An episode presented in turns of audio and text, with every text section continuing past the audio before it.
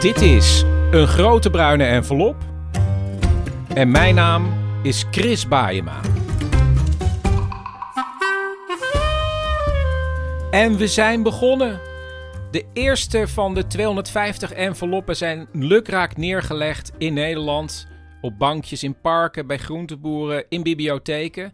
En op elke envelop zit een brief met de vraag of mensen mij iets terug willen sturen om mee op avontuur te gaan op zoek naar verhalen. En uh, ik heb heel veel reacties van jullie gekregen om mee te helpen met verspreiden. En uiteindelijk uit alle aanmeldingen heb ik 35 provincievertegenwoordigers gekozen die op dit moment die enveloppen ergens aan het neerleggen zijn. En er is ook een kaart, staat in de show notes. Uh, ik kan hem vinden op manmetdemicrofoon.nl slash een grote bruine envelop.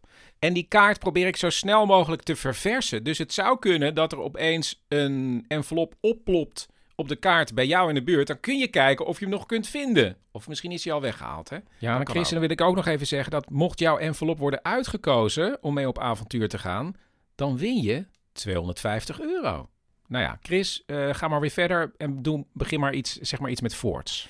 Um, ben ik wel benieuwd hoe het is ja, voor jullie vertegenwoordigers om die dingen te verspreiden. Uh, maak je iets mee? Ik zou zeggen, stuur dan even een kort audiobericht uh, uh, dat je op je telefoon opneemt en mail mij dat even.